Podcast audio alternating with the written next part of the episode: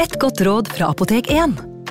Nå er snart pollensesongen i gang, og et godt råd til deg som sliter med pollenallergi, er å begynne behandlingen i god tid før allergisesongen starter. Da får du nemlig enda bedre effekt av legemidlene, og så blir ikke våren din helt ødelagt. Kom innom og få råd på ditt nærmeste Apotek 1, eller chat med oss på apotek1.no. Apotek 1 vår kunnskap, din trygghet.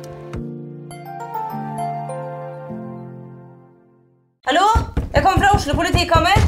Ine Jansen er purk. Er du purk? The motherfucking bitch. Alt jeg vil, er å finne ut hva som skjedde med mannen min. Jon Carew. Er jeg sikta for noe? Iben Akeli. Det er du. Ole So, Lars Berrum og Big Daddy Karsten. Hvem sin side er du på, egentlig? Anette Hoff, Tone Danielsen, Kommer du fra Afrika? Jørnis Josef, Nesten kløfta. Trond Espen Seim, Det er synd å si det, men det var feil mann som døde. Purk. Premiere tirsdag på TV2 Play. Ungsamtalen fra DNB er økonomisk veiledning tilpasset deg som er ung. Bokk en ungsamtale på dnb.no. slash ung. Det er kjempebra hvis du skal inn på boligmarkedet, hvis det er drømmen din, liksom. Det er det du skulle sagt. Og så kunne du ropt litt mer, da, sånn som jeg gjorde. Bam! Advarsel. Historiene vi forteller i denne podkasten kan være fiktive og avvike fra den opprinnelige historien av dramaturgiske årsaker. Meninger og påstander i historiene reflekterer nødvendigvis ikke programledernes meninger eller virkeligheten.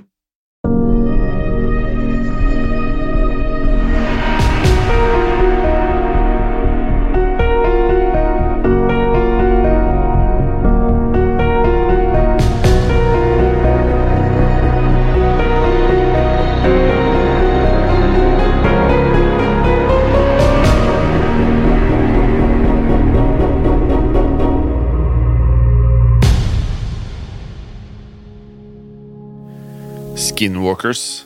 Se for deg at du vandrer alene i mørket. Eller du trodde i hvert fall at du var alene.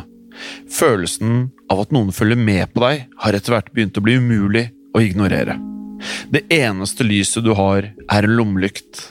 Alt annet er svart om natten. Du stanser, og verden blir dermed helt stille. Tidligere hadde lyden av føttene dine mot bakken vært noe å fokusere på. Nå er det nesten så du kan høre ditt eget hjerte slå. Du er redd. Du peker med lommelykten rundt deg, men du ser ingenting. I et øyeblikk tenker du hvor tåpelig du kommer til å føle deg når du er hjemme igjen, og du bestemmer deg for å fortsette videre. Men så, foran deg på veien, ser du noe som får hjertet ditt til å stanse. En ulv? Nei. Lyset fra lommelykten illuminerer en skikkelse ulikt noe fra den naturlige verden. Et monster som verken er et menneske eller et beist. Mye større enn en vanlig ulv. Kroppen er dyrisk, men uthulet og deformert. Ansiktet helt forvridd. Du retter lommelykten mot beistet, og det er nå du legger merke til de blodrøde øynene som stirrer tilbake på deg. Beistet åpner munnen sin, og ut kommer en skjærende lyd. Et skrik av smerte og ren ondskap. Det var en lignende observasjon Terry Sherman gjorde i 1996 på det som i dag er kjent som Skinwalker Ranch i Utah i USA. Terry beskrev at han sto ansikt til ansikt med skapningen en kveld han var ute og luftet hunden sin. Vant til å støte på mange ulike dyr, bar Terry med seg et våpen. Han fortalte at han avfyrte tre skudd mot skikkelsen, men beistet ble stående uberørt. Dette er bare en av mange overnaturlige observasjoner gjort på Skinwalker Ranch, som også skal ha sett en rekke andre paranormale hendelser og besøk fra andre planeter. Terry beskrev en annen hendelse, der han hørte en menneskestemme som talte til ham, men lyden kom ovenfra, omtrent åtte meter opp i luften. Hunden til Terry ble rabiat av denne lyden og begynte å bjeffe og knurre. Senere oppdaget familien Sherman at syv av kuene deres var drept på svært uvanlig vis. De var kuttet små, presise hull i dyrene, blant annet et sirkulært kutt gjort i flere av kuenes øyne. Da det i tillegg ble funnet kornsirkler på ranchen, var det mange som hang seg opp i muligheten for at det var romvesener som sto bak dette. Likevel var det denne menneske-ulv-hybriden som har gitt ranchen sitt uhyggelige kallenavn. Man kan velge å avskrive dette som vandrehistorier, men Terry Sherman blir så skremt av de mange mystiske og uforklarlige hendelsene at han ser seg nødt til å selge ranchen etter kort tid. Ranchen har i årene etter at familien Sherman forlot den, blitt et senter for paranormal etterforskning, og fremdeles blir det gjort merkverdige observasjoner i området. I 1997 beskrev Colm Kelleher en menneskelignende figur som stirret på han fra et tre. Han beskrev skikkelsen slik. Den store skapningen lå urørlig, nesten avslappet i treet. Den eneste indikasjonen på beistets tilstedeværelse var det penetrerende, gule lyset fra de åpne øynene da den stirret tilbake i lyset. Også Kelleher avfyrte skudd mot skapningen før den forsvant ut av synet hans, men ikke før han fikk et godt blikk på skikkelsen. Den hadde skarpe klør, ikke ulikt en rovfugl. En massiv skapning som til tross for sin størrelse beveget seg lynraskt og presist. Disse beskrivelsene gjorde at mange ble overbevist om at skapningene Kelleher og Sherman beskrev, var skinwalkers. En skinwalker er en skikkelse som figurerer i mange ulike former blant den amerikanske urbefolkningen. Den mest kjente kommer fra navaho-kulturen, som beskriver skinwalkeren som en slags ondsinnet heks som kan transformere seg om til å ta kontroll over dyr ikke ulikt varulver i europeisk kultur. Denne skikkelsen er blant navahoene kjent som i Nagloshi, som røft kan oversettes til Han som går på alle fire.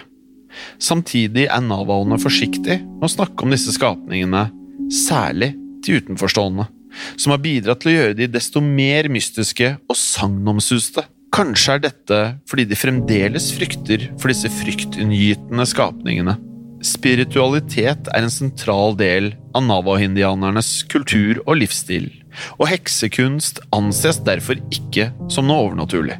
De tror på en kilde av krefter, som noen er i stand til å oppnå kontakt med, og dermed oppnå overmenneskelige evner. Heksene lever derfor side om side med menneskene, men har tilegnet seg unike krefter som de velger å bruke for ondsinnet formål. Kunnskapen om hvordan man kommer i kontakt med disse kreftene, går i arv fra generasjon til generasjon. En skinwalker får dermed kreftene sine fra samme sted som en medisinmann, men bruker kreftene sine til å skade andre, der medisinmennene bruker sine krefter til å helbrede. Skinwalkerne blir derfor sett på som svært farlige og er fryktet også innad i navaho-kulturen. Helbrederne i Navaho-stammene ble kalt Hata Ali og ble sett på som hellige mennesker som hadde evnen til å helbrede de syke og beskytte stammen. Hata aliene var ikke i seg selv magiske, men Navaho-kulturen trodde at menneskene kunne hamstre den magiske energien som eksisterte i universet, og dermed være i stand til å utføre mirakler. Miraklene ble utført gjennom sanger og rop. Noen av helbrederne bestemte seg riktignok for å bruke kreftene sine til å utrette ondskap.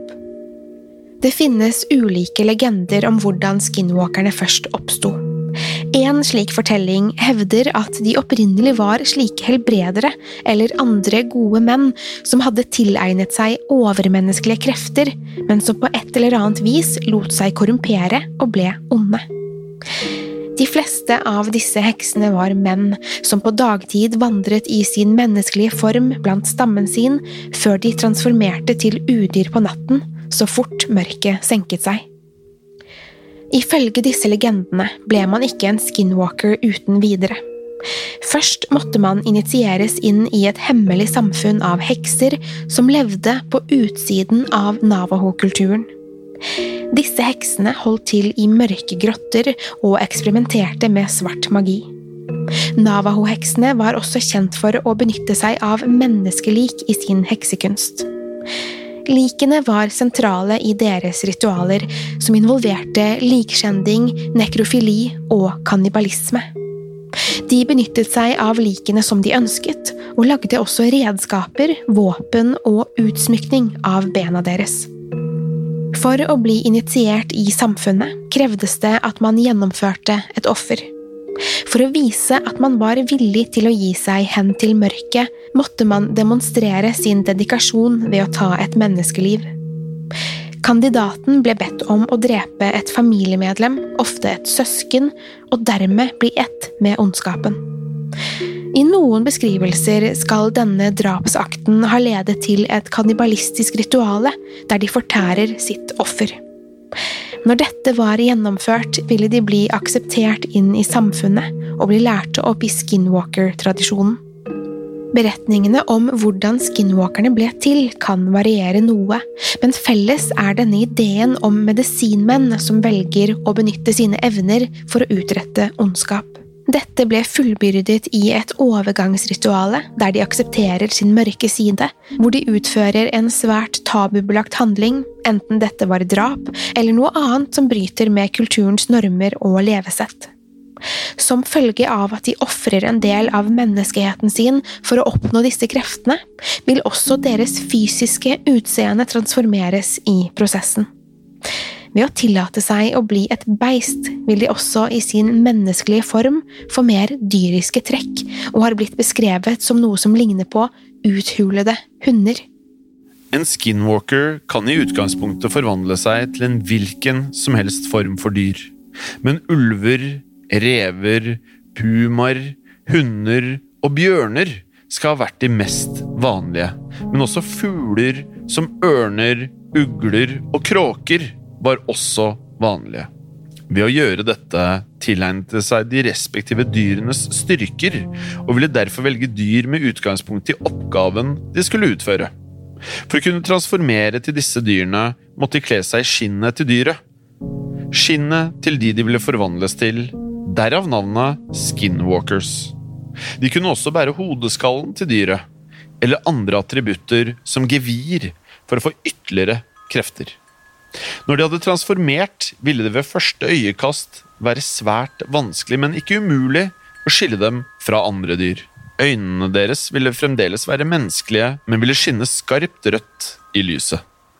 I sin menneskelige form var øynene riktignok mer dyriske, og de bar etter hvert flere kjennetegn til dyr. Det sies at skinwalkers dreper ut av grådighet, sinne, misunnelse, ondskap eller hevn. Ved å drepe tilegner de seg kreftene til skapningene de har tatt livet av, og skal også ha tatt til seg livskraften som holdt dem i live unaturlig lenge. Denne livskraften var deres næring. En skinwalker er derfor nødt til å drepe for å holde seg i live. Mange av legendene tilegner disse skapningene nesten guddommelige krefter. I tillegg til å kunne forvandle seg til et dyr, er skinwalkerne i stand til også å kontrollere andre dyr, som ulver og ugler, og dermed ta styring over deres handlinger. Noen evnet til og med å kalle på de døde og gjenopplive lik til å handle på sin kommando og angripe deres fiender. Videre hadde de evnen til å bevege seg i enorm hastighet, oppe til ekstreme høyder. De var raske, smidige og nær umulige å fange. Andre legender forteller at en skinwalker også kunne ta kontroll over mennesker. Ved å oppnå blikkontakt med en person kunne de ta styring over både talen og handlingene til dette individet, så vel som å lese tankene deres. Noen kunne også inneha evnen til å stjele ansiktet til et annet menneske.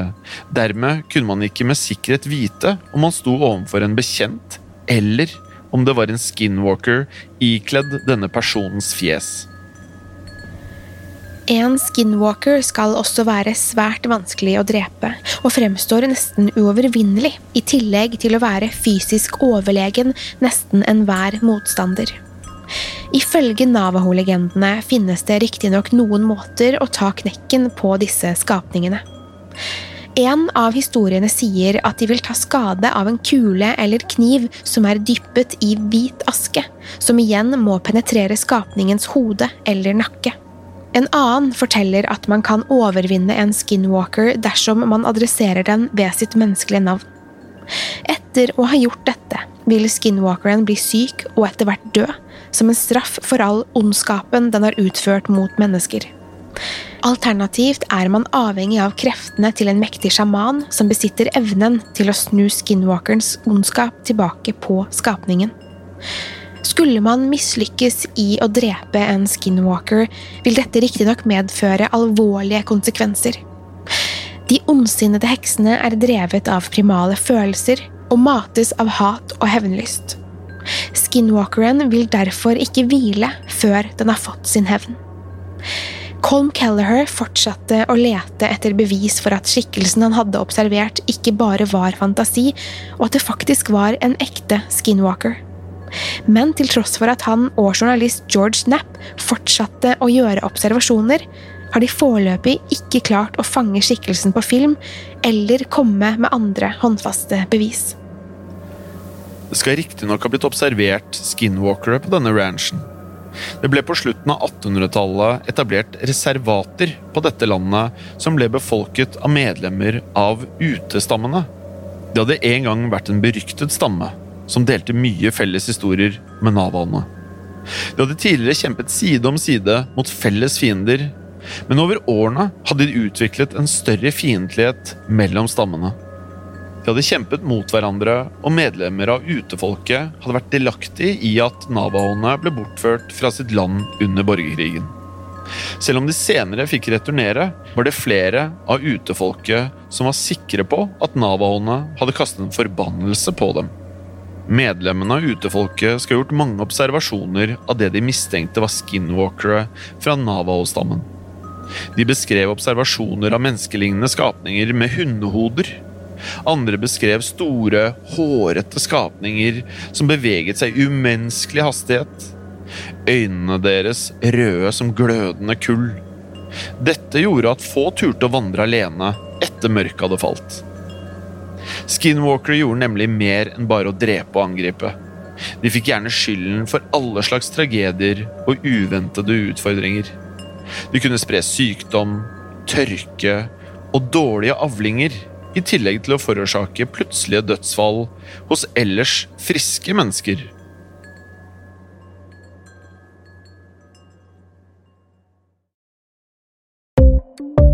Er du glad i Skrekkpodden, sjekk gjerne ut andre podkaster fra moderne media, som Historiepodden, Mørkeredd eller True Crime-podden. Podkastene våre finner du der du lytter til podkast, som på iTunes eller på Spotify.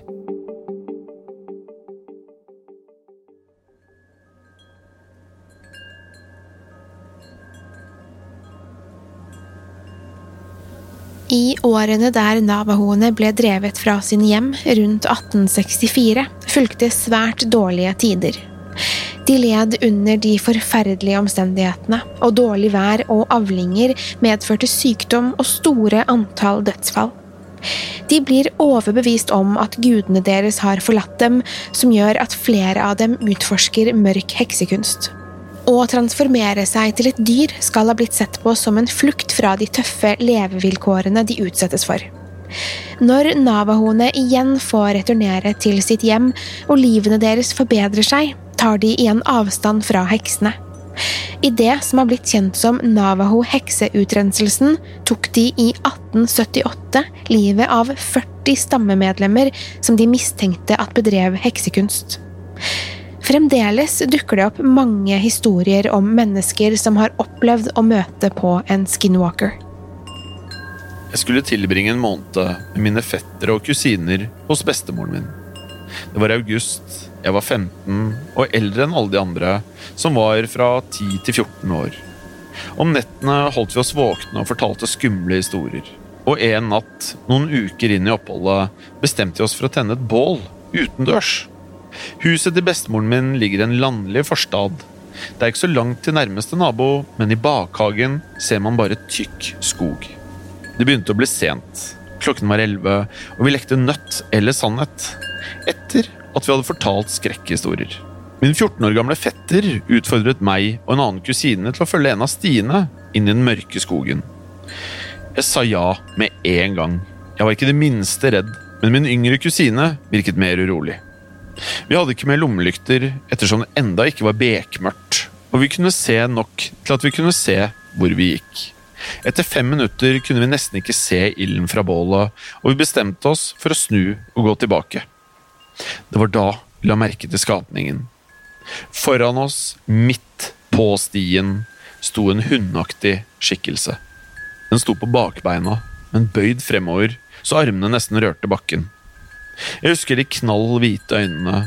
Det var en krysning mellom menneske og hund, med et menneskeaktig ansikt og hundeaktige kroppsdeler. Med unntak av hendene og føttene. Det stirret rett mot oss, og jeg ble lammet av frykt. Idet skapningen sprintet i full fart vekk fra oss, i retning av en bekk som rant like ved. Både jeg og kusinen min begynte å skrike for full hals, og bestemoren min og de andre barna kom løpende til oss. Herfra husker jeg ikke så mye. Jeg var desorientert og klarte ikke engang å tenke.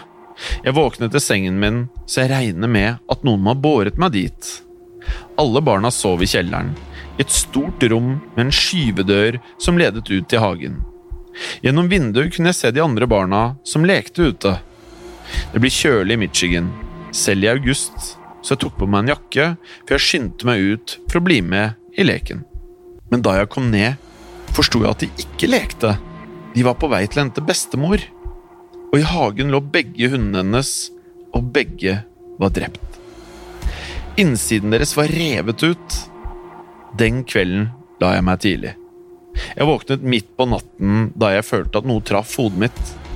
Kusinene mine satt alle i en dobbeltseng overfor meg på andre siden av rommet. De var helt stille og stirret på meg. 13-åringen nikket mot vinduet bak meg. Kroppen min stivnet. De så alle livredde ut. Og sakte begynte jeg å snu hodet mitt mot vinduet. I vinduet så jeg en skrekkelig skikkelse, et ansikt som stirret tilbake på meg, med vidåpne øyne. Det var ansiktet til skikkelsen jeg hadde sett i skogen, et ansikt fortært av ondskap og hat. Jeg skrek alt jeg kunne, og skikkelsen forsvant. Bestemoren min ringte politiet da jeg fortalte henne hva som hadde skjedd, men de fant ingenting. Etter det dro jeg hjem igjen og besøkte aldri bestemoren min igjen etter at det ble mørkt. En annen fortelling beskriver møtet med en skinwalker slik. Jeg bestemte meg for å bli med min bestevenninne Karen da hun skulle på et tredagers besøk hos bestemoren sin på reservatet.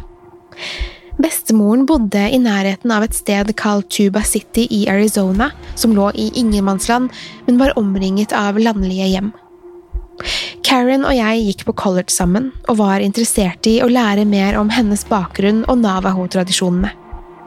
Den første dagen var ganske rolig, ingenting virket utenom det vanlige, før bestemoren hennes fortalte at en løshund hadde dukket opp og nektet å dra sin vei. Hunden oppførte seg rart og var ganske stygg og lurvete, med ustelt, svart pels. De andre hundene holdt også avstand fra denne hunden. På kvelden så vi en film i stuen mens Karens bestemor sto på kjøkkenet og lagde middag. Ved siden av en bokhylle med DVD-er var det et stort vindu med utsikt over oppkjørselen, der det sto biler parkert.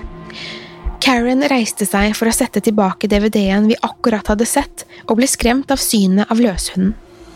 Hunden satt utenfor vinduet og stirret på oss.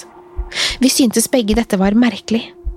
Det var ikke uvanlig med løshunder på reservatet, men de ble ikke sluppet inn i husene, for det var ikke vanlig med hunder innendørs i Navaho-tradisjoner. Karen åpnet døren og ropte til hunden at den måtte komme seg vekk. Hunden løp så og gjemte seg bak et skur. Vi dro for å handle i Tuba City, og da vi kom tilbake, var det ingen spor etter hunden. Alt var tilbake til normalen.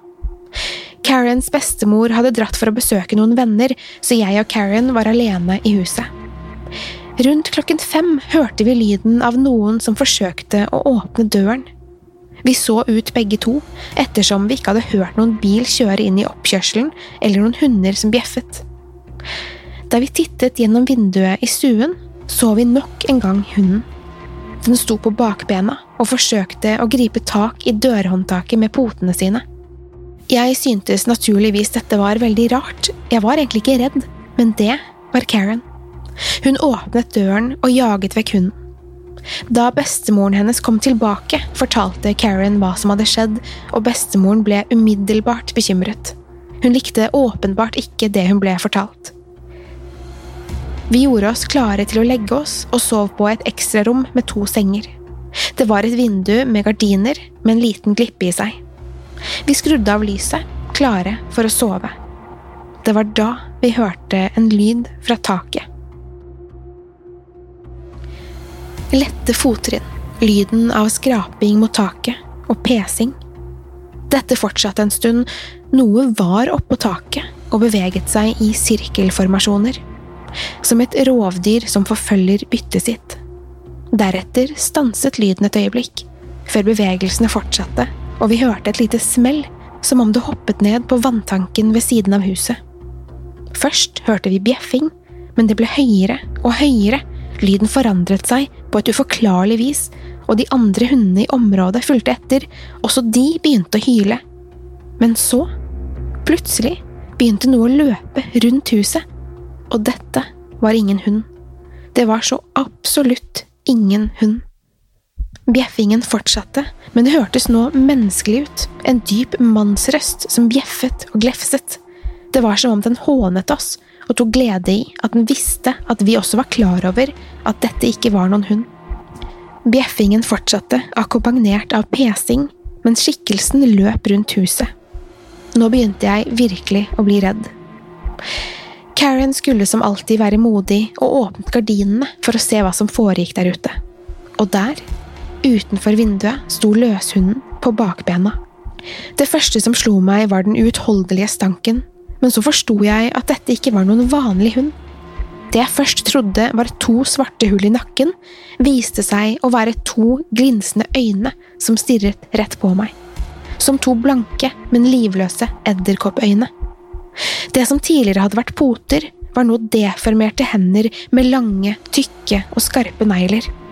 Vi skrek begge to og stengte igjen gardinene. Det var da Karens bestemor stormet inn på rommet. Det første hun gjorde, var å samle aske fra peisen før hun ladet tre patroner inn i en hagle. Hun sa noen ord til seg selv på sitt morsmål, det jeg i ettertid forsto var en bønn. Hun løp ut og avfyrte et skudd inn i den fryktinngytende skikkelsen. Hun fortsatte å rope høylytt på Navaho, og at denne tingen ikke var velkommen, at den måtte komme seg bort derfra.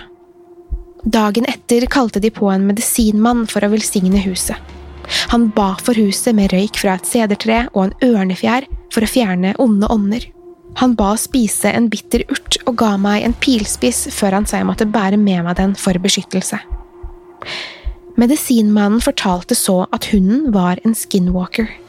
Kroppen til løshunden som skinwalkeren hadde drept, skapte en illusjon, så vi ikke visste at det ikke var en ekte hund.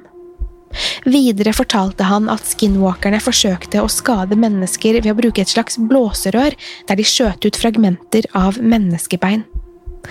Senere den dagen så jeg på mens medisinmannen dro ut en seks centimeter lang og tre centimeter tykk bit av hodeskalle fra skulderen til Karens bestemor.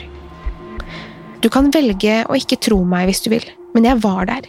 Jeg så han trekke beinbiten ut av henne. Jeg så skapningen som stirret meg dypt inn i øynene. Jeg så alt sammen. Ideen om at skinwalkerne bruker menneskerester og bein når de angriper mennesker, er ingen ny idé. Heksene som utførte svart magi i Navaho-stammene, benyttet seg av lik til en rekke formål, og dette er noe skinwalkerne sies å ha fortsatt med. Skinwalkerne sies også å besøke kirkegårder for nettopp dette formålet. Der graver de opp lik som de benytter restene av for å lage slike våpen, eller for å lage et slags støv de bruker for å forgifte sine fiender. Denne historien presenterer også en annen bit av mytologien rundt skinwalkerne. De kan ofte dukke opp i nærheten av hjem og fortsette å terrorisere personer og spre frykt. Allikevel kan ikke skinwalkerne, i likhet med vampyrer, entre hjemmet uten din tillatelse, og må derfor benytte seg av andre strategier for å lokke seg inn til sine ofre. Ved å se inn i øynene deres kan de hypnotisere ofrene sine. På denne måten kan de kontrollere dem, eller til og med forkle seg som denne personen. Skinwalkerne forblir en mystisk del av legendene fra Amerikas urbefolkning. En legende som fortsetter å fascinere og engasjere, og hvor det stadig dukker opp historier fra mennesker som mener de har sett en. En skikkelse som ikke kan beskrives som noe annet enn en slags hybrid mellom menneske og dyr. Hvorvidt dette bare er en av mange vandrehistorier, eller man velger å tro på fortellingene om møter med disse skapningene, forblir opp til hver enkelt. Selv om skinwalkere kan virke som monstre, er de fremdeles mennesker på innsiden. Mennesker som har ofret en del av humaniteten sin for å bli til disse monstrene, og aldri kan returnere til et normalt liv. De har fremdeles instinktene og viljen til mennesket de en gang var, men de har en mørkere natur nå. De er i stadig konflikt mellom sitt ville og utemmelige ytre og restene av humanitet på innsiden.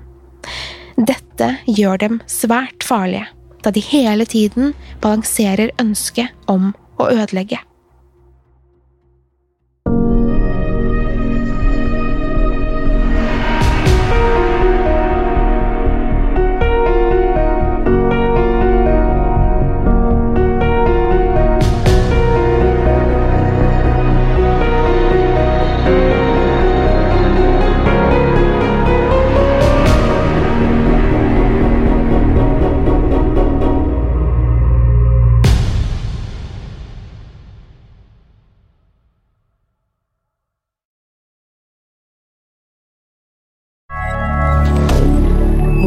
Media. Ukens annonsør er Folio, en smartere banktjeneste for deg som har en egen bedrift eller ønsker å starte for deg selv. Folio er en superenkel nettbank for bedrifter. Som kunde i Folio får du en bedriftskonto med et bedriftskort og app. I denne appen er det smarte løsninger som forenkler regnskapet ditt, uansett om du har en liten bedrift eller et enkeltpersonsforetak. Folio er både intuitivt og brukervennlig, og er laget med et enkelt språk. I tillegg tilbyr de forutsigbare priser og ingen skjulte gebyrer. Skulle du likevel trenge det, så kan du snakke med deres raske og hyggelige kundeservice, og der får du prate med en faktisk person og ikke en chatbot. Folio er med andre ord både enklere og koseligere enn banken. Over 10 000 bedrifter har allerede valgt Folio som sin banktjeneste, så besøk folio.no og se hvordan Folio kan forenkle din hverdag også. Har du et enkeltpersonforetak eller en liten bedrift? Da er du sikkert lei av å høre meg snakke om hvor enkelt det er med kvitteringer og bilag i fiken, så vi eh, gir oss her, vi. Fordi vi liker enkelt. Fiken superenkelt regnskap. Kiwi er billigst i VGs matbørs og har vært billigst i fire av de fem siste VGs matbørser. Og nå presser vi prisene på frukt og grønnsaker. På 200 gram broccolini setter vi prisen til 24,90. På 400 gram Cevita blåbær setter vi prisen til 49,90. Og husk, alle Kiwi Pluss-kunder får i tillegg 15% trumfbonus på all fersk frukt og grønt. For det er vi som er prispresserne. Og vi i Kiwi gir oss aldri på pris.